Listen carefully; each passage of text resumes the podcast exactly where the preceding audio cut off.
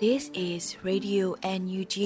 the voice of National Unity Government of Myanmar, broadcasting for Myanmar Spring Revolution. Radio NUG is transmitting from shortwave 16 meter 17.79 megahertz at 8:30 a.m. and 25 meter 11.94 megahertz at 8:30 p.m. Myanmar Standard Time. မင်္ဂလာပါရှင်။အမျိုးသားညီညွတ်ရေးအစိုးရရဲ့အတန်လွတ်ဌာန Radio NUG ကိုမန္တပိုင်း၈နိုင်ခွဲမှာလိုင်းတူ6မီတာ19.3ခုကုန်းမဂါဟတ်စ်နဲ့ညပိုင်း၈နိုင်ခွဲမှာလိုင်းတူ25မီတာ17.3ကိုလီမဂါဟတ်စ်တို့မှာဓာတ်ရိုက်ဖမ်းယူနားဆင်နိုင်ပါပြီရှင်။မင်္ဂလာအပေါင်းနဲ့ပြည့်စုံကြပါစေ။အခုချိန်ကစပြီး Radio NUG စီစဉ်လေးကိုဓာတ်ရိုက်အတန်လွှင့်ပေးနေပါပြီ။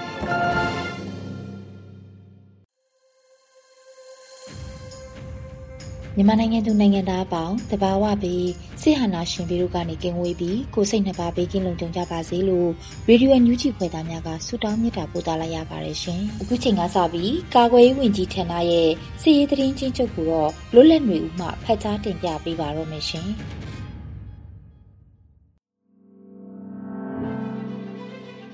ကာကွယ်ရေးဝန်ကြီးဌာနမှထုတ်ပြန်သောနေ့စဉ်စစ်ရေးသတင်းအကျဉ်းချုပ်ကို တင်ပြပေးပါတော့မယ်။တိုက်ပွဲများမှာရန်သူတပ်သား30ဦးသေဆုံးပြီး6ဦးထိခိုက်ဒဏ်ရာရရှိခဲ့တယ်လို့သတင်းရရှိပါတယ်။အာနာသိန်းအကြမ်းဖက်စစ်တပ်နဲ့တိုက်ပွဲဖြစ်ပွားမှုသတင်းများမှာချင်းပြည်နယ်မှာဇန်နဝါရီလ18ရက်နေ့မနက်10:45မိနစ်ခန့်ကဖလန်းမြို့နယ်ရီခေါ်ဒါမြို့အမှတ်နှစ်ရပ်ကွက်တောင်ကုန်းပေါ်ရှိရန်သူတပ်စခန်းကိုဒေသကာကွယ်ရေးတပ်ဖွဲ့ကဝင်ရောက်ပစ်ခတ်ရာ နိုင်ဝက်ကြာတိုက်ပွဲဖြစ်ပွားပြီးထိခိုက်မှုကိုစုံစမ်းနေဆဲဖြစ်ကြောင်းသိရပါတယ်ခင်ဗျာ။စကိုင်းတိုင်းမှာဇန်နဝါရီလ16ရက်နေ့မနက်7:00နာရီခန့်ကဆလင်းကြီးမြို့နယ်စထုံးကြီးရွာနီးကဏီမြို့နယ်အတွင်းရှိကြီးရွာများကိုမိပတ်ရှို့ပြီးဆလင်းကြီးမြို့တွင်သို့ပြန်လည်ဝင်ရောက်လာတဲ့ရန်သူတပ်သား90ခန့်ကို DRPA မဲမောင်ပျောက်ကြားတပ်ဖွဲ့ Black Shadow DRPA တပ်ခွဲလေး Black Vote Fighter LPDF ဆလင်းကြီး Generation Z PDF Down New Generation PDF နဲ့ဒေသခံကာကွယ်ရေးမဟာမိတ်တပ်ပေါင်းစုကပူးပေါင်းတိုက်ခိုက်ခဲ့ရာရန်သူတပ်သား20ဦးခန့်သေဆုံးထိခိုက်ဒဏ်ရာရရှိခဲ့ပြီးတိုက်ပွဲဖြစ်ပွားနေစဉ်မုံရွာနမခမှာ MI35 တစီးလာရောက်ခဲ့ပြီးပြစ်ခတ်မှုများပြုလုပ်ခဲ့တာကြောင့်ပြည်သူ့ကာကွယ်ရေးရဲဘော်တဦးကြာဆုံးခဲ့ကြောင်းသိရပါတယ်ခင်ဗျာမန္တလေးတိုင်းမှာဇန်နဝါရီလ18ရက်နေ့မနက်10:00နာရီခန့်က ငစုံမြို့နယ်ငစုံငန်းမြကားလမ်းပေါ်ရှိတားကျင်နတ်ကြီးကြားတွင် ရွှေပေါက်ပင်ကျွန်းဂျပန်ကျွန်းရှိနေအိမ်များတွင်မိရှို့ဖျက်ဆီး၍ပြန်လာသောရန်သူကား၃စီးအားဒေသခံကာကွယ်ရေးတပ်ဖွဲ့များပူးပေါင်း၍မိုင်းဆွဲတိုက်ခိုက်ခဲ့တာကြောင့်ကားတစ်စီးထိမှန်ခဲ့ပါတယ်။ဇန်နဝါရီလ16ရက်နေ့ကငစုံမြို့နယ်ထနောင်းကုန်းကြေးရွာရှိတစ်ပင်နီးတွင် အုပ်စုဖွဲ့ထိုင်နေသောရန်သူတပ်သားများအား Germany Revolution Force MNU မြောင် TGR Woman Drone Force Down Fighter NZN PDF ຫນွေဦးတကွန် PDF 0ပျောက်ကြားတပ်ရင်းခုနှစ်တက်ခွဲ1ငစွန်မီနဂါမြောင် Revolution Army MRA တပ်ဖွဲ့တို့ပူးပေါင်း၍ဒရုန်းဖြင့်အီနာဂါဘုံချတိုက်ခိုက်ခဲ့တာကြောင့်ရန်သူတပ်သား3ဦးဒဏ်ရာပြင်းထန်စွာရရှိခဲ့ကြောင်းသိရပါတယ်ခင်ဗျာ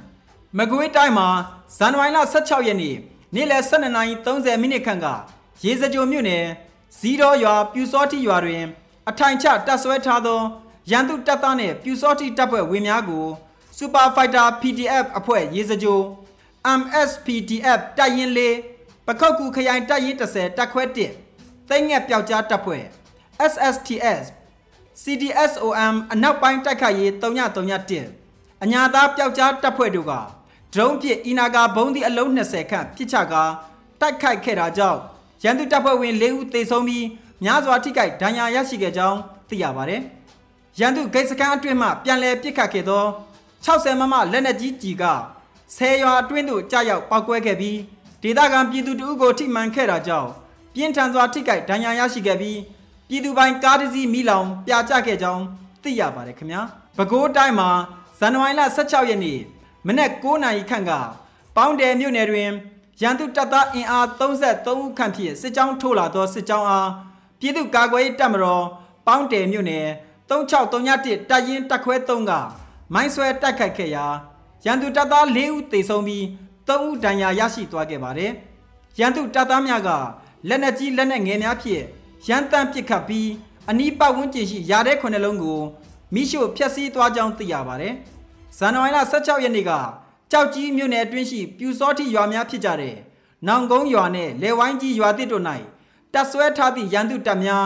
ဒရုန်းဖြင့်တိုက်ခိုက်ခံရပြီးနောင်ကုန်းရွာရှိစခန်းတွင်ရန်သူတပ်သား2ဦးသေဆုံးခဲ့ပါတယ်။တနင်္သာရီတိုင်းမှာဇန်နဝါရီလ16ရက်နေ့ည8:59မိနစ်ခန့်ကဗိတ်ခရိုင်ပလောမြို့နယ်ရှပ်ပုံ၌ရန်သူတပ်နှင့်ဒေသခံကာကွယ်ရေးတပ်တို့ တိုက်ပွဲပြင်းထန်နေပြီးစစ်ကောင်စီတပ်သားများမိုင်းဆွဲထိ၍သေဆုံးမှုရှိနိုင်ပါတယ်။ရာဘာတော်တစ်ခုမီးလောင်နေပြီးနေအိမ်တစ်လုံးမီးရှို့ခံရ၍ရှပ်ပုံရွာအုပ်ချုပ်ရေးမှူးသေဆုံးခဲ့ကြောင်းသိရပါတယ်။ည9:45မိနစ်ခန့်ကမကြီးကုန်းရန်သူစခန်းကို PDF များဝင်ရောက်တိုက်ခိုက်ခဲ့ပြီးလက်နက်ကြီးလက်နက်ငယ်များဖြင့်အပြန်အလှန်ပစ်ခတ်ခဲ့ကြောင်းသိရပါတယ်ခင်ဗျာဆက်လက်ပြီးအာနာသိန်းအကြမ်းဖက်စစ်တပ်ကျူးလွန်ခဲ့သောရာဇဝတ်မှုများကိုတင်ပြပေးပါဦးမယ် ရှမ်းပြည်နယ်မှာဇန်နဝါရီလ16ရက်နေ့ည8:15မိနစ်ခန့်ကဖဲခုံမြို့နယ်ဖဲခုံမြို့ရှိ အမြောက်တပ်မှလက်နက်ကြီးပစ်ခတ်မှုကြောင့်စစ်ဘေးရှောင်များရှိရာကောင်းဆောင်ရွာကိုလက်နက်ကြီးကြာရောက်ပြီးအသက်33နှစ်ရှိစစ်ဆောင်ပြည်သူဒေါ်မူလင်းသေဆုံးခဲ့ကြောင်းသိရပါတယ်ခင်ဗျာချင်းပြည်နယ်မှာဇန်နဝါရီလ18ရက်နေ့မနက်10:45မိနစ်ခန့်ကဖလန်းမြို့နယ်ရီခေါ်ဒါမြို့တွင်ရန်သူနှင့်ဒေသကာကွယ်ရေးတပ်ဖွဲ့များတိုက်ပွဲဖြစ်ပွားပြီးနောက် ရန်သူတပ်၏လက်နက်ကြီးပစ်ခတ်မှုကြောင့်အလုသမားယုံအဆောက်အုံပေါ်သို့ကြားရောက်ပောက်ကွဲပြီး၃နှစ်အရွယ်ကလေးတဦးထိခိုက်ဒဏ်ရာရရှိခဲ့ကြောင်းသိရပါတယ်။ဇန်နဝါရီလ18ရက်နေ့ကပလက်ဝမြို့နယ်ပလက်ဝမြို့ပေါ်ရှိစစ်ရှောင်းစခန်းများတွင်စစ်တပ်ကစစ်ဘေးရှောင်များကိုခေါ်ယူပြီးနေရပြန်ရန်ဖိအားပေးခဲ့ပါတယ်။လက်ရှိပလက်ဝမြို့ပေါ်တွင်စစ်ဘေးရှောင်နေရသောရွာပေါင်းအ ਨੇ ဆုံး10ရွာခန့်ရှိ၍စစ်ဘေးရှောင်များလည်း9000ခန့်ရှိနေပြီး စစ်ရှောင်အနှဲငယ်မှပအများစုကနေရပြန်ရန်ဆန္ဒမရှိသေးကြောင်းသိရပါတယ်။မကွေးတိုင်းမှာဇန်နဝါရီလ16ရက်နေ့မနေ့6နာရီခန့်ကထီးလင်းမြို့နယ်ထီးလင်းမြို့ရွှေတီခမ်းမအတွင်းအထိုင်ချနေသောရန်သူတပ်နှင့်ပြူစောတိတပ်ဖွဲ့ဝင်များကပုံနာရွာသို့ဝင်ရောက်ခဲ့ပြီးပြည်သူပိုင်ပစ္စည်းများကိုအကြမ်းဖက်လုယူခဲ့ကြပါတယ်ခင်ဗျာမန္တလေးတိုင်းမှာဇန်နဝါရီလ18ရက်နေ့မနက်9နာရီခန့်ကငစုံမြို့နယ် မယိုးကုန်းထနောင်းကုန်းရွာနီးရွှေပောက်ပင်ကျွန်းကိုရန်သူများကမိစတင်ရှို့နေသောကြောင့်ကျွန်းပေါ်နေအိမ်90ကျော်ခန့်မိလောင်ကျွမ်းခဲ့ပါတယ်ဇန်နဝါရီလ16ရက်နေ့ည9:45မိနစ်ခန့်ကညာဦးမြို့နယ်ရှိညာဦးမြို့နယ် NLD ဥက္ကဋ္ဌဦးဝင်းမြင့်ခိုင်တားဖြစ်သူခိုင်တီဟနဲ့တူဖြစ်သူရန်ကုန်မှဧည့်သည်တူပါလာသောကားတစ်စီးကိုရန်သူတပ်များကဖမ်းဆီးခေါ်ဆောင်သွားခဲ့ကြောင်းသိရပါတယ်ခင်ဗျာယခုတင်ပြပေးခဲ့တဲ့သတင်းတွေကို မြေပြင်သတင်းတာဝန်ခံတွေနဲ့ခိုင်လုံသောမိဘသတင်းရင်းမြစ်များမှအခြေခံပြုစုတင်ပြခဲ့ခြင်းဖြစ်ပါတယ်ခင်ဗျာ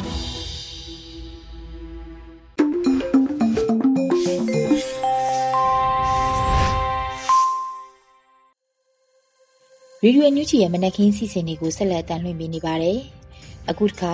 နောက်ဆုံးရသတင်းများကိုအေရီမှဖတ်ကြားတင်ပြပေးပါတော့မယ်ရှင်။မင်္ဂလာမနက်ခင်းပါရှင်။ 2023ခုနှစ်ဇန်နဝါရီလ18ရက်နေ့ရေဒီယိုအန်ယူဂျီမနက်ခင်းပြည်တွင်းသတင်းတွေကိုတင်ပြပေးတော့မှာဖြစ်ပါတယ်။ကျွန်မကတော့အေရီပါရှင်။ပထမအဦးဆုံးသတင်းအနေနဲ့စစ်ဘေးဒုက္ခနဲ့ကြုံနေတဲ့ပြည်သူလူထုတွေအများအများရှိနေတယ်လို့နေ့စဉ်လိုလိုတောက်စားပျော်ပါနေတဲ့လူအုပ်စုတွေလည်းအများအများရှိနေတယ်လို့ယာယီသမရပြောကြားလိုက်တဲ့သတင်းကိုတင်ပြပေးပါမယ်။ဇန်နဝါရီလ18ရက်နေ့ကကျင်းပပြုလုပ်တဲ့အမျိုးသားညီညွတ်ရေးအစိုးရရဲ့၃မြင်းဆောင်2023အစိုးရဖွဲ့အစည်းအဝေးမှာယာယီသမရဒူဝါလက်ရှိလာကအခုလိုပြောကြားခဲ့ပါတယ်။ လက်ရှိနိုင်ငံအတွင်းကအခြေအနေတွေကိုခြုံငုံပြီးကြည့်လို့ရှိရင်စစ်ဘေးဒုက္ခနဲ့ကြုံနေတဲ့ပြည်သူလူထုတွေအများအများရှိနေတယ်လို့နေ့စဉ်လိုလိုတောက်စားပျော်ပါနေတဲ့လူအုပ်စုတွေလည်းအများအများရှိနေပါတယ်ဒါဟာကျွန်တော်အနေနဲ့ဒုက္ခရောက်တဲ့ပြည်သူလူထုကိုကရုဏာတက်ပြီးတခြားတစ်ဖက်ကိုတော့အပြစ်တင်နေတာမဟုတ်ပါဘူးပြိပခါထံကြာညောင်းလာတာနဲ့အမျှလူရန်စားကွာဟလာတဲ့အချင်းရာတစ်ခုကိုထောက်ပြတာဖြစ်ပါတယ်လို့ဆိုပါတယ် ဒါအပြင်စစ်ရေးနိုင်ငံရေးအကြက်တဲကိုအကြောင်းပြုပြီးငကိုမူလအခြေအနေထက်ပုံမူချမ်းသာသွားကြတဲ့အကြမ်းဖက်စစ်အုပ်စုအပေါင်းပါတချို့လည်းရှိနေတယ်လို့ဂျာယီသမရကထပ်လောင်းပြောကြားခဲ့ပါသေးတယ်ရှင်။အကြမ်းဖက်စစ်ကောင်စီကိုမြန်မာတပြည်လုံးကတိုင်းရင်းသားပြည်သူတရက်လုံးအားကောင်းမောင်းတန်တော်လန်တိုက်ထုတ်နေတဲ့အတွက်အာဏာရှင်တို့အနီကုန်းချုပ်တော်မယ်လို့ပြည်အောင်စုဝန်ကြီးချုပ်ပြောကြားလိုက်တဲ့သတင်းကိုဆက်လက်တင်ပြပေးပါမယ်။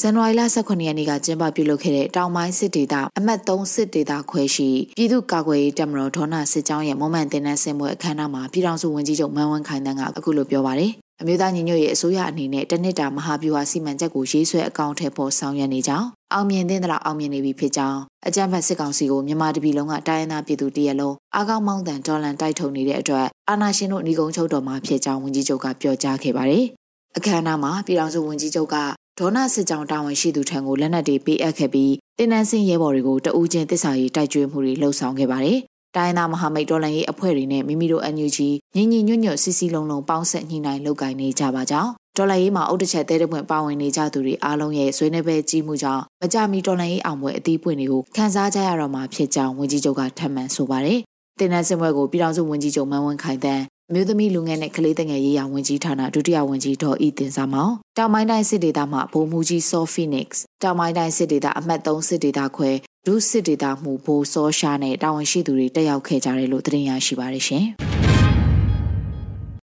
အခုဆက်လက်ပြီးတနစ်မဟာဗျူဟာစီမံချက်တွေကိုအားလုံးဝိုင်းဝန်းဆောင်ရွက်ကြမယ်ဆိုပါကမျှော်မှန်းထားတာထက်ပိုမိုကောင်းမွန်တဲ့ရလဒ်ကိုရရှိမှာဖြစ်တယ်လို့ပြည်ထောင်စုဝန်ကြီးဒေါက်တာဝင်းမြတ်အေးပြောကြားလိုက်တဲ့သတင်းကိုလည်းတင်ပြပေးပါမယ် ဇန်နဝါရီလ18ရက်နေ့ကကျင်းပတဲ့ဂျာကာလာဒေသန္တရပြည်သူ့အုပ်ချုပ်ရေးဖော်ဆောင်မှုဗဟိုကော်မတီနဲ့တိုင်းဒေသကြီးလွှတ်တော်ကိုစားပြုကော်မတီတွေရဲ့အစည်းအဝေးကျင်းပရမှာလူသားချင်းစာနာထောက်ထားရေးနဲ့ဘေးရန်နေဆိုင်ရာစီမံခန့်ခွဲရေးဝန်ကြီးဌာနပြည်ထောင်စုဝန်ကြီးဒေါက်တာဝင်းမြတ်အေးကအခုလိုဆိုပါတယ် တိုင်းဒေသကြီးကော်မတီဝင်တွေဟာပြည်သူ့ကိုကိုစားပြုကြသူတွေဖြစ်ခါလုပ်ငန်းတွေကိုသိရှိပြီးအမျိုးသားညီညွတ်ရေးအစိုးရရဲ့တနစ်မဟာဗျူဟာကိုလိုက်ပါဆောင်ရွက်၍တော်လှန်ရေးစစ်ရှိန်မြင့်တဲ့အချိန်တော်လှန်ရေးအဆုံးသတ်တိုက်ပွဲကိုပါဝင်ကြဖို့ဖြစ်ကြောင်းတနစ်မဟာဗျူဟာအရဝန်ကြီးဌာနကလည်းစီမံချက်တွေကိုဆောင်ရွက်လျက်ရှိပြီးအားလုံးဝိုင်းဝန်းဆောင်ရွက်ကြမယ်ဆိုပါကမျှော်မှန်းတာထက်ပိုမိုကောင်းမွန်တဲ့ရလဒ်ကိုရရှိမှာဖြစ်ကြောင်းတွေ့ဆုံဆွေးနွေးပွဲမှာအကျိုးရှိဖို့အတွက်မြေပြင်မှာအကောင့်ထဲဖို့ချိတ်ဆက်ဆောင်ရွက်နိုင်တဲ့အထိလိုအပ်ချက်တွေကိုထိထိရောက်ရောက်ဆောင်ရွက်သွားဖို့လိုအပ်ကြောင်းဝန်ကြီးကဆိုပါတယ် ဆက်လက်ပြီးဝန်ကြီးဌာနအသီးသီးကတာဝန်ရှိသူတွေကတလတာအတွင်းလုပ်ငန်းဆောင်ရွက်မှုတွေကိုရှင်းလင်းပြောကြားခဲ့ပြီးတဲ့နောက်မှာတက်ရောက်လာကြတဲ့လွှတ်တော်ကိုစားပြုကော်မတီတွေကသိရှိလူရာတွေကိုအကြိမ်တဝင့်ဆွေးနွေးမေးမြန်းခဲ့ကြပါတယ်။အဆိုပါအစည်းအဝေးကိုပြည်ထောင်စုဝန်ကြီးတွေဒုတိယဝန်ကြီးတွေအမြဲတမ်းအတွင်းဝင်တွေဌာနဆိုင်ရာတာဝန်ရှိသူတွေနဲ့တိုင်းဒေသကြီးလွှတ်တော်ကိုစားပြုကော်မတီဝင်တွေတက်ရောက်ခဲ့ကြတယ်လို့လည်းသတင်းရရှိပါတယ်ရှင်။ကျမရဲ့ဝန်ကြီးဌာနရဲ့ one year plan ဆောင်ရွက်ထားရှိမှုအခြေအနေကိုအစိုးရအဖွဲ့အစည်းအဝေးမှာတင်ပြရှင်းလင်းခဲ့တဲ့သတင်းကိုတင်ပြပေးပါမယ် ဇန်နဝါရီလ18ရက်နေ့ကကျင်းပပြုလုပ်တဲ့အမျိုးသားညီညွတ်ရေးအစိုးရရဲ့၃ချိန်မြောက်အစိုးရအဖွဲ့အစည်းအဝေးမှာအခုလိုတင်ပြခဲ့တာဖြစ်ပါတယ်။အစည်းအဝေးမှာကျမရဲ့ဝန်ကြီးဌာနပြည်ထောင်စုဝန်ကြီးဒေါက်တာစောဝေဆိုးကကျမရဲ့ဝန်ကြီးဌာနရဲ့ one year plan ဆောင်ရွက်ထားရှိမှုအခြေအနေတွေကိုတင်ပြတာနိုင်ငံခြားရေးဝန်ကြီးဌာနဒုတိယဝန်ကြီးဦးမိုးစောဦးကအပတ်စဉ်ကျင်းပတဲ့ ministerial meeting မှာဆွေးနွေးချက်တွေကိုအစိုးရအဖွဲ့ဝင်တွေကိုမျှဝေအသိပေးတင်ပြတာတွေပြုလုပ်ခဲ့ပါတယ်။ အမျိုးသားညီညွတ်ရေးအစိုးရရဲ့၃ချိန်မြောက်အစိုးရဖွဲ့အစည်းအဝေးကိုယာယီသမ္မတဒူဝါလက်ရှိလာအပါအဝင်ပြည်ထောင်စုဝန်ကြီးတွေနဲ့ဒုတိယဝန်ကြီးတွေတက်ရောက်ခဲ့ကြတယ်လို့သတင်းရရှိပါရရှင်။ဒရိုက်တာကိုပေါက်ရဲ့ဒုတိယမြောက်ရုပ်ရှင်ရောင်းနီလာရလန်းကိုနယ်သာလန်နိုင်ငံမှာစတင်ပြသမယ့်သတင်းကိုလည်းတင်ပြပေးပါဦးမယ်။ ဒီသတင်းကိုတော့ရုပ်ရှင်ပြသရေးကော်မတီကအသိပေးပြောကြားခဲ့တာဖြစ်ပါတယ်။ဖေဖော်ဝါရီလ၄ရက်နေ့မှာစပြမဲ့နိုင်ငံတွေကနေသာလန်နိုင်ငံရဲ့ကြော်ညာပါဒါရိုက်တာကိုပေါက်ရဲ့ဒုတိယမြောက်ရုပ်ရှင်ရောင်းနီလာယာလန် Rays of Hope ကိုနယ်သာလန်မှာကြည့်ရှုဖို့အတွက်လက်မှတ်တွေတစောင်15ယူရိုနဲ့စတင်ဝယ်ယူလို့ရပါပြီလို့ဆိုထားပါတယ်။အာနာမသိငယ်အခြေအနေကနေအာနာသိမ့်ပြီးတဲ့နောက်ဆန္ဒပြပြည်သူတယောက်ဘဝပြေးခဲ့ရပုံခဲ့ရတဲ့ဝရံပြေဘဝအိမ်နောက်တော်လန်ရေးသမားဘဝအစရှိတဲ့ဘဝတွေမှာဖြတ်တန်းခဲ့ရတဲ့ဒါရိုက်တာကိုပေါက်ရဲ့နှစ်နာရီစာဒီ documentary film လေးကိုဖေဖော်ဝါရီလ၄ရက်စနေနေ့မှာမတောက်မိသောမိုးခါရေပြသခဲ့တဲ့ Amsterdam မြို့မှာရှိတဲ့ရုပ်ရှင်အောင် LAB 111မှာနေ့လယ်12နာရီမှာပြသသွားမှာဖြစ်တယ်လို့သိရှိရပါတယ်ရှင်။အခုဆက်လက်ပြီးတော်လရေးကိုအောင်မြင်မှုအတွက်2023မှာပို့ပြီးစီးရေးအရှိန်မြင့်တင်မယ်လို့မြောင်မြို့နယ်ပြည်သူ့ကာကွယ်ရေးတပ် TGR ကအသိပေးတဲ့သတင်းကိုတင်ပြပေးပါမယ်။ဇန်နဝါရီလ18ရက်နေ့မှာမြောင်မြို့နယ်ပြည်သူ့ကာကွယ်ရေးတပ် TGR ကအခုလိုဖော်ပြပြောဆိုပါတယ်။ မြောင်မြို့နယ် TGR ကာကွယ်ရေးတပ်ကတော်လရေးတလျှောက်လုံးအလုပ်တွေမနာတမ်းလှုပ်လာခဲ့တာ2023ခုနှစ်ရောက်လာခဲ့ပါပြီ။ပြည်သူတွေလည်းပင်ပန်းလို့ညှဉ်းညူလာကြပြီလား။ကျွန်တော်တို့လည်းပင်ပန်းကြပါတယ်။အားမလျှော့ရဲဘူးဒီဒေါ်လာရေးကိုအောင်မြင်မှုအတွက်ပဲ2023မှာပိုပြီးစစ်ရှိန်ပိုပြီးမြင့်တင်မယ်လို့ဆိုထားပါတယ်။မြောင်မြို့နယ်ပြည်သူ့ကာကွယ်ရေးတပ် TGR ဟာစစ်ကောင်စီတပ်တွေကိုခုခံတွန်းလှန်တိုက်ခိုက်နေတဲ့ဒေါ်လာရေးအင်အားစုတရက်လေးဖြစ်ပါတယ်ရှင်။ လောင်းလုံးမြို့နယ်တကြက်တော်ရနေမြေရဲစခန်းမှာတပ်ဆွဲထားတဲ့စစ်သားနဲ့ရဲတွေစခန်းကိုစွန့်ခွာထွက်ပြေးသွားတဲ့တဲ့တင်ကိုတင်ပြပေးပါမယ်ရဲစခန်းမှာတပ်ဆွဲထားတဲ့စစ်သားနဲ့ရဲတွေကစခန်းကိုစွန့်ခွာထပ်ပြေးသွားတာကြောင့်ဇန်နဝါရီလ16ရက်နေ့ည7:00နာရီဝန်းကျင်ခန့်မှာလောင်းလုံးမြို့နယ်တကြက်တော်ရွာနေမြေရဲစခန်းကိုလောင်းလုံးပြည်သူ့ကာကွယ်ရေးအဖွဲ့ LPDF ကမိရှို့ခဲ့တယ်လို့အတည်ပြုပြောကြားပါတယ်။လောင်းလုံးမြို့နယ်တကြက်တော်ရွာနေမြေရဲစခန်းကို PDF တပ်ဖွဲ့တွေကနေမြေရှင်းလင်းရေးလှုပ်ဆောင်ခဲ့ပြီးရဲစခန်းကိုမိရှို့ခဲ့တာဖြစ်တယ်လို့သတင်းထုတ်ပြန်ထားပါတယ်။ ဇန်နဝါရီလ23ရက်နေ့မှာရဲစခန်းမှာတပ်ဆွဲထားတဲ့စစ်သားနဲ့ရဲတွေကစခန်းကိုစွန့်ခွာထွက်ပြေးသွားခဲ့တာလို့လည်းသိရှိရပါတယ်ရှင်။ဆက်လက်ပြီးခမာယာစနစ်ကနေရွှေဘုံမြို့နယ်အုံပေါက်ကျေးရွာကိုရောက်ရှိနေတာကြောင့် Who Am I Army နဲ့ပူးပေါင်းတပ်ဖွဲ့တွေကတာဝေးပစ်တွေနဲ့ပစ်ခတ်တိုက်ခိုက်ခဲ့တဲ့တဲ့တင်ကိုတင်ပြပေးပါမယ်။ဇန်နဝါရီလ18ရက်နေ့မှာအဆိုပါစီရေးတဲ့တင်ကို Who Am I Army ကအတည်ပြုပြောဆိုခဲ့ပါတယ်။ ဇန်နဝါရီလ23ရက်နေ့ကကြောင်မြောင်းမြို့ခမာယာ17မှာရွှေဘုံမြို့နယ်အုံပေါက်ကျေးရွာကိုစစ်ကောင်စီအင်အား40ခန့်ရောက်ရှိနေတာကြောင့်မိမိတို့ Who Am I Army နဲ့ပူးပေါင်းတပ်ဖွဲ့တွေကတာဝေးပစ်တွေနဲ့ပစ်ခတ်တိုက်ခိုက်ခဲ့ပါတယ်လို့ဆိုပါတယ်။ဇန်နဝါရီလ16ရက်နေ့ည9:00နာရီဝန်းကျင်မှာပြစ်ခတ်တိုက်ခိုက်ခဲ့ပြီးအဆိုပါတိုက်ခိုက်မှုမှာ Who Am I Army, Mother Love, Ghost Rider Special Task Force ပါမှာနေလာစက်ကြာရွှေဘို PDF နဲ့တောင်းနီတပ်ဖွဲ့တို့ပူးပေါင်းပါဝင်ခဲ့ပါတယ်။ တာဝေးပြစ်တဲ့နဲ့ပြစ်ခတ်တိုက်ခိုက်မှုကြောင့်စစ်ကောင်စီတပ်က9ဦးအပြင်းထန်ဒဏ်ရာရရှိခဲ့ပြီးကြောင်မြောင်းမြို့ခမရဆက်နှစ်ကိုသုံးမိတ်နဲ့တည်ယူသွားခဲ့ပြီးနောက်ဆက်တွဲတေဆုံးမှုကိုတော့စုံစမ်းဆဲဖြစ်တယ်လို့သိရှိရပါတယ်ဇန်နဝါရီလ12ရက်နေ့ကစပြီးရွှေဘုံမြို့နယ်တေမင်ကျေးရွာမောင်းတက်ကျေးရွာအုံပေါက်ကျေးရွာတအုံကျေးရွာနဲ့တရော်တော်ကျေးရွာတွေကိုစစ်ကောင်စီတပ်တွေကအင်အားအများပြားနဲ့ဖြန့်ကျက်စစ်ကြောင်းထိုးထားနေတာကြောင့်အချိန်မြေတိုက်ပွဲဖြစ်ပွားနိုင်တဲ့အတွက်အများပြည်သူတွေအနေနဲ့ ရွှေဘိုကြောင်မြောင်းလမ်းပိုင်းကိုအရေးမကြီးပဲအသုံးမပြုကြဖို့ Who Am I Army ကမြေတားရက်ခံထားပါသေးတယ်ရှင်။ရေစကြိုမြို့နယ်ဇီတော်ကျေးရွာကပြူနဲ့စစ်ကောင်စီတပ်တွေကို drone နဲ့ပုံကျဲချခဲ့တဲ့တဲ့တင်ကိုလည်းတင်ပြပေးပါမယ်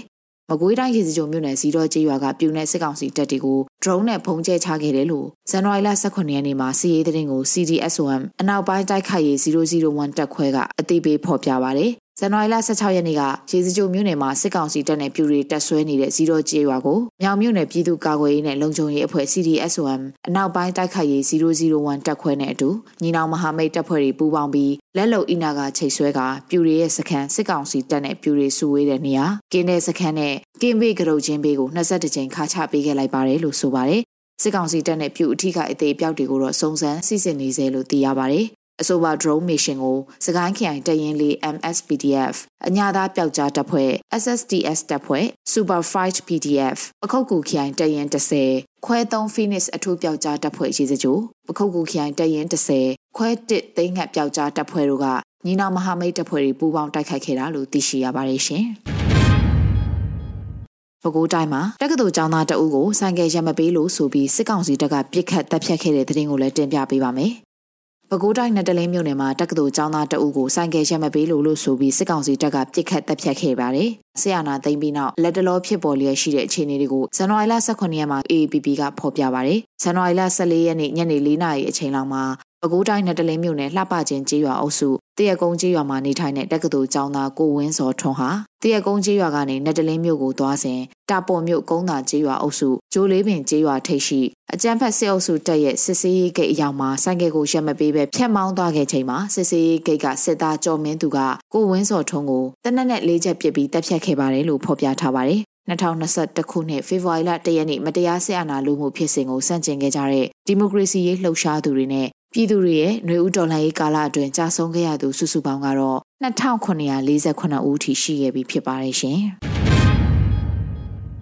အခုနောက်ဆုံးအနေနဲ့ဂံကောမြို့နယ်နေရာတချို့မှာ9000ကျပ်တန်နဲ့1000ကျပ်တန်ငွေစက်ကူအတူတွေပြန့်နှံ့နေတယ်လို့ဂံကောပါအဖကသတိပေးတဲ့သတင်းကိုတင်ပြပေးပါမယ်။မကွေးတိုင်းကံကောမြို့နယ်နေရာတချို့မှာ9000ကျပ်တန်နဲ့1000ကျပ်တန်ငွေဆက်ကိုအတူတွေပြန့်နှံ့နေတယ်လို့ကံကောပါအဖကအသိပေးကြေညာလိုက်ပါတယ်ဇန်နဝါရီလ18ရက်နေ့မှာကံကောမြို့နယ်ပြည်သူ့အုပ်ချုပ်ရေးအဖွဲ့ကအသိပေးကြေညာချက်တင်မြင့်ဆောင်2023ကိုထုတ်ပြန်ခဲ့တာဖြစ်ပါတယ်။ အခုရက်ပိုင်းအတွင်းကံကောမြို့နယ်နေရာတချို့တွင်9000ကျပ်တန်နဲ့1000ကျပ်တန်ငွေစက်ကူအတူများပြန့်နှံ့နေသည်ကိုစစ်စစ်တွေ့ရှိရပါသည်ပြည်သူများအနေဖြင့်ကုန်ပစ္စည်းဝယ်ယူရောင်းချခြင်းနှင့်ငွေပေးချေခြင်းကိစ္စများတွင်ငွေစက်ကူများကိုအတုအစစ်သေးချစွာစစ်ဆေးခွဲခြားပြီးမှပေးချေခြင်းလက်ခံခြင်းပြုကြပါရန်အတိပေးတိုက်တွန်းပါသည်လို့ဖော်ပြထားပါတယ်။ငွေစက်ကူအတုတွေကိုတွေ့ရှိပါကလည်းရက်ကျေးပြည်သူအုပ်ချုပ်ရေးအဖွဲ့တွေကနေတဆင့်မြို့နယ်ပြည်သူအုပ်ချုပ်ရေးအဖွဲ့ထံကိုအမြန်ဆုံးသတင်းပေးအကြောင်းကြားပေးဖို့ကြေညာထားပါတယ်။ ။ကံကောမြို့နယ်အတွင်းငွေဆက်ကိုအတူတွေကိုအတူမှန်သိလျက်ဖြန့်ဝေခြင်းအသုံးပြုခြင်းစတာတွေကိုစစ်ဆေးတွေ့ရှိရပါကဥပဒေတာအရေးယူဆောင်ရွက်သွားမယ်လို့လည်းကံကောမြို့နယ်ပြည်သူ့အုပ်ချုပ်ရေးအဖွဲ့ကဆိုထားပါသေးတယ်ရှင်။အခုတင်ပြပေးခဲ့တဲ့သတင်းတွေကိုတော့ Radio NUG သတင်းတောက်မင်းမင်းကပေးပို့ထားတာဖြစ်ပါတယ်ရှင်။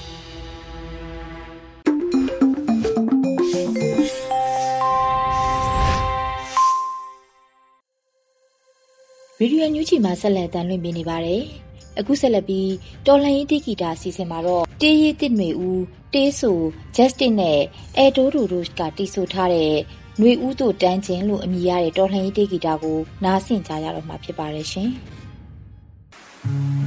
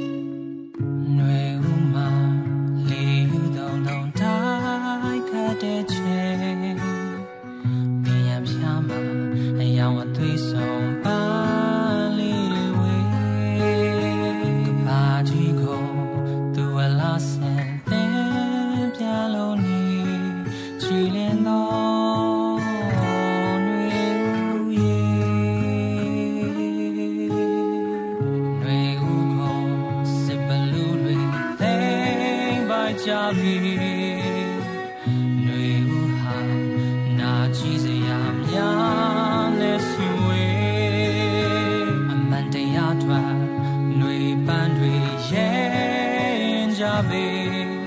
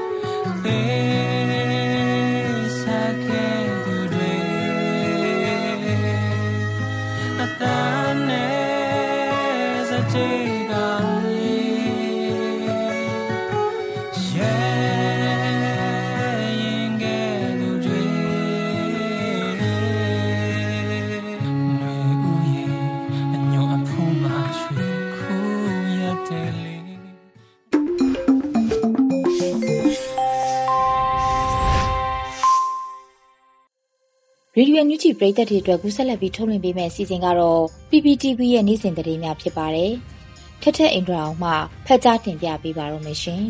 ။အခုချိန်ကစပြီး PPTV သတင်းတွေကိုတင်ဆက်ပြီးတော့မှာပါ။ကျွန်မထက်ထက်အင်ဒရာအောင်ပါ။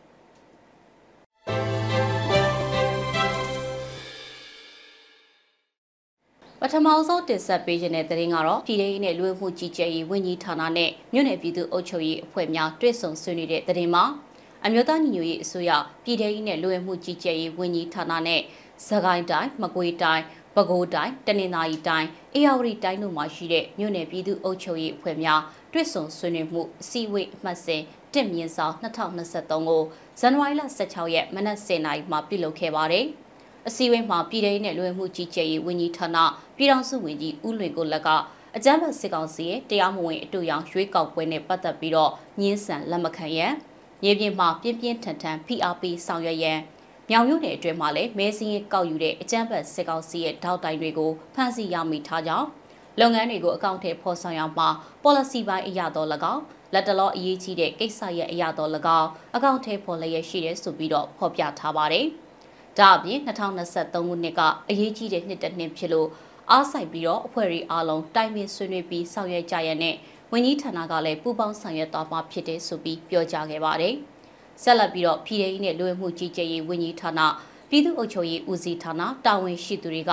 ဌာနရဲ့လုပ်ငန်းဆောင်ရွက်ချက်တွေနဲ့ပတ်သက်ပြီးတော့ရှင်းလင်းပြောကြားခဲ့ပါတယ်။အဲဒီနောက်မှာတော့တက်ရောက်လာကြတဲ့မြို့နယ်ပြည်သူ့အုပ်ချုပ်ရေးအဖွဲ့ဝင်တွေကမြေပြင်အုပ်ချုပ်ရေးဆောင်ရွက်နေမှုတွေကြုံတွေ့နေရတဲ့အခက်အခဲတွေနဲ့လိုအပ်ချက်တွေအစရှိတာတွေကိုရှင်းလင်းတင်ပြပြီးတော့မူဝါဒပိုင်းဆိုင်ရာသိရှိလိုတာတွေကိုအပြန်အလှန်မေးမြန်းဆွေးနွေးခဲ့ပါတယ်။ အစည်းအဝေးကိုပြည်ထောင်စုဝန်ကြီးဦးလွင်ကိုလက်ကဦးဆောင်ပြီးတော့ပြည်သူ့အုပ်ချုပ်ရေးဦးစီးဌာနပြည်သူ့ရဲတပ်ဖွဲ့မိသက်ဦးစီးဌာနလူဝင်မှုကြီးကြပ်ရေးဦးစီးဌာနအထူးစုံစမ်းထောက်လှမ်းရေးဦးစီးဌာနတို့ကတာဝန်ရှိသူများစကိုင်းတိုင်းမကွေးတိုင်းပဲခူးတိုင်းတနင်္သာရီတိုင်းအေရဝတီတိုင်းတို့ကမြို့နယ်ပြည်သူ့အုပ်ချုပ်ရေးအဖွဲ့ဝင်များတက်ရောက်ခဲ့ကြတယ်လို့ပြည်ထောင်စုနယ်မှုကြီးကြပ်ရေးဝန်ကြီးဌာနကသတင်းထုတ်ပြန်ထားပါတယ်။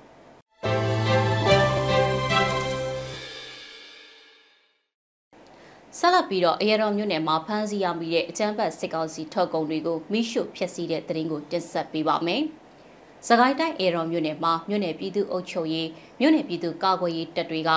ဇန်နဝါရီလ16ရက်နေ့မှာလုံခြုံရေးအတွက်စစ်ဆေးမှုပြုလုပ်နေစဉ်မော်တော်ယာဉ်တစ်စီးပေါ်ကအကြမ်းဖက်စစ်ကောင်စီထုတ်ကုန်တွေကိုဖမ်းဆီးရမိခဲ့ပြီးတော့အဲ့ဒါတွေကိုမိရှုဖျက်ဆီးမှုတွေပြုလုပ်ခဲ့တယ်လို့ပြည်ထောင်စုလူဝင်မှုကြီးကြပ်ရေးဝန်ကြီးဌာနကသတင်းထုတ်ပြန်ပါတယ်။အရတော်မြို့နယ်မုံရွာအရတော်ကားလမ်းပေါ်မှာ အကြမ်းဖက်စစ်ကောင်စီထုတ်ကုန်တွေဖြစ်တဲ့စူပါကော်ဖီမစ်တွေတည်ဆောင်လာတဲ့မော်တော်ယာဉ်တစ်စီးကိုတွေ့ရှိခဲ့ရလို့မြို့နယ်ပြည်သူ့အုပ်ချုပ်ရေးမြို့နယ်ပြည်သူ့ကာကွယ်ရေးတပ်တွေကအဲ့ဒီပစ္စည်းတွေကိုသိမ်းဆည်းပြီးတော့မိရှို့ဖျက်ဆီးခဲ့ကအကြမ်းဖက်စစ်ကောင်စီရဲ့ထောက်ကုံတွေကိုရောင်းချခြင်းတည်ယူခြင်းမပြုရဲတတိပေးပြောကြားခဲ့ပါတယ်။အကြမ်းဖက်စစ်တပ်အကြမ်းဖက်ဖက်စစ်ကောင်းဆောင်မိသားစုဝင်များ၎င်းတို့ရဲ့အကျိုးစီးပွားနဲ့ပတ်သက်ဆက်နွယ်သူတွေပိုင်ဆိုင်တဲ့ထုတ်ကုန်များစီးပွားရေးလုပ်ငန်းတွေကိုတပိတ်မှောက်ပြီးတော့ ဝယ်ယူခြင်းရောင်းချခြင်းတည်ဆောင်ခြင်းမပြုလုပ်ကြဖို့အတွက်အမျိုးသားညီညွတ်ရေးအစိုးရစီမံကိန်းဗဏ္ဍာရေးနဲ့ရင်းနှီးမြှုပ်နှံမှုဝန်ကြီးဌာနစီးပွားရေးနဲ့ကုသရေးဝယ်ရေးဝန်ကြီးဌာနတို့ကအကြမ်းဖက်စစ်တပ်ထုတ်ကုန်ပစ္စည်းစည်းရင်းတွေနဲ့အတူတကွကြီးညာပြီးတော့ထုတ်ပြန်ထားပါတယ်။ဒါအပြင်ပြည်သူ့ကာကွယ်ရေးတပ်တွေကလည်းအကြမ်းဖက်စစ်ကောင်စီထုတ်ကုန်တွေမယောင်းချဖို့အတွက်သတိပေးထုတ်ပြန်မှုတွေပြုလုပ်ထားပါတယ်။ပြည်ထောင်နဲ့လူဝင်မှုကြီးကြပ်ရေးဝန်ကြီးဌာနကတော့ပြည်သူ့ဘက်ကိုလှည့်ထားတဲ့ကြီးစံဘိုးတွေကိုတပိတ်မှောက်ပြီး အကြမ်းဖက်ဆရာနာရှင်အပိတိုင်ချုပ်ရင်းရေးအတွက်ဝိုင်းဝန်းပူးပေါင်းဆောင်ရွက်ကြဖို့တိုက်တွန်းထားပါတယ်။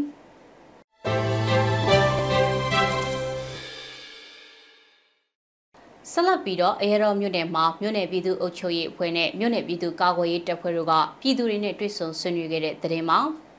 စကိုင်းတိုင်းအေရောင်မြို့နယ်ကကြီးရွာတစ်ခုမှာမြို့နယ်ပြည်သူ့အုပ်ချုပ်ရေးအဖွဲ့နဲ့မြို့နယ်ပြည်သူ့ကာကွယ်ရေးအဖွဲ့တွေက ရက်ရွာပြည်သူလူထုနဲ့တွေ့ဆုံပြီးတော့ဆွေးနွေးမှုတွေပြုလုပ်ခဲ့တယ်လို့ပြည်ထောင်နဲ့လူမှုကြီးကြပ်ရေးဝန်ကြီးဌာနကဇန်နဝါရီလ16ရက်နေ့မှာသတင်းထုတ်ပြန်ပါတယ်။အဲဒီလိုတွေ့ဆုံဆွေးနွေးရမှာဂျာကာလာဒေသန္တရပြည်သူ့အုပ်ချုပ်ရေးလုပ်ငန်းစဉ်များအောင်မြင်စွာအကောင့်ထဲပေါ်ဆောင်ရွက်နိုင်စီရန်ရည်ရွယ်ပြီးတော့ဇန်နဝါရီလ23ရက်နေ့မှာတွေ့ဆုံဆွေးနွေးမှုတွေပြုလုပ်ခဲ့တာဖြစ်တယ်လို့အရတော်မြို့နယ်ပြည်သူ့အုပ်ချုပ်ရေးအဖွဲ့ရဲ့ပြောကြားချက်ကိုကိုးကားပြီးတော့သတင်းထုတ်ပြန်ခဲ့တာပါ။ ဒါ့အပြင်မြို့နယ်ပြည်သူ့အုပ်ချုပ်ရေးအဖွဲ့နဲ့မြို့နယ်ပြည်သူ့ကာကွယ်ရေးအဖွဲ့တွေကအုပ်ချုပ်ရေးကာကွယ်ရေးလုပ်ငန်းစဉ်တွေကိုပါညှိနှိုင်းဆွေးနွေးခဲ့ကြတယ်လို့ထုတ်ပြန်ချက်မှာဖော်ပြထားပါတယ်။ကျေးဇူးတင်ပါတယ်ရှင်။ဒီကနေ့ကတော့ဒီညနေပဲ Radio NUG ရဲ့အစီအစဉ်လေးကိုခေတ္တရနာလိုက်ပါမယ်ရှင်။မြန်မာစံတော်ချိန်မနေ့၈နိုင်ခွဲနဲ့ည၈နိုင်ခွဲအချိန်တွေမှာပြောင်းလဲဆိုပြကြပါလို့ရှင်။ Radio NUG ကို မနေ့ပိုင်း၈နိုင်ခွဲမှာလိုင်းတူ16မီတာ19.7 MHz နဲ့ညပိုင်း၈နိုင်ခွဲမှာလိုင်းတူ25မီတာ17.6 MHz တို့မှာဓာတ်ရိုက်ဖမ်းယူနားဆင်နိုင်ပါပြီရှင်။မြန်မာနိုင်ငံသူနိုင်ငံသားများကိုစိတ်နှဖျားစမ်းမချမ်းသာလို့ဘေးကင်းလုံခြုံကြပါစေလို့ Radio NUG ရဲ့ဖွဲ့သူဖွဲ့သားများကဆုတောင်းလိုက်ရပါတယ်။ San Francisco Bay Area အခြေစိုက်မြန်မာမိသားစုများနဲ့နိုင်ငံတကာကစေတနာရှင်များလို့အားပေးမြရဲ့ Radio NUG ဖြစ်ပါတယ်ရှင်။အရေးတော်ပုံအောင်ရမည်။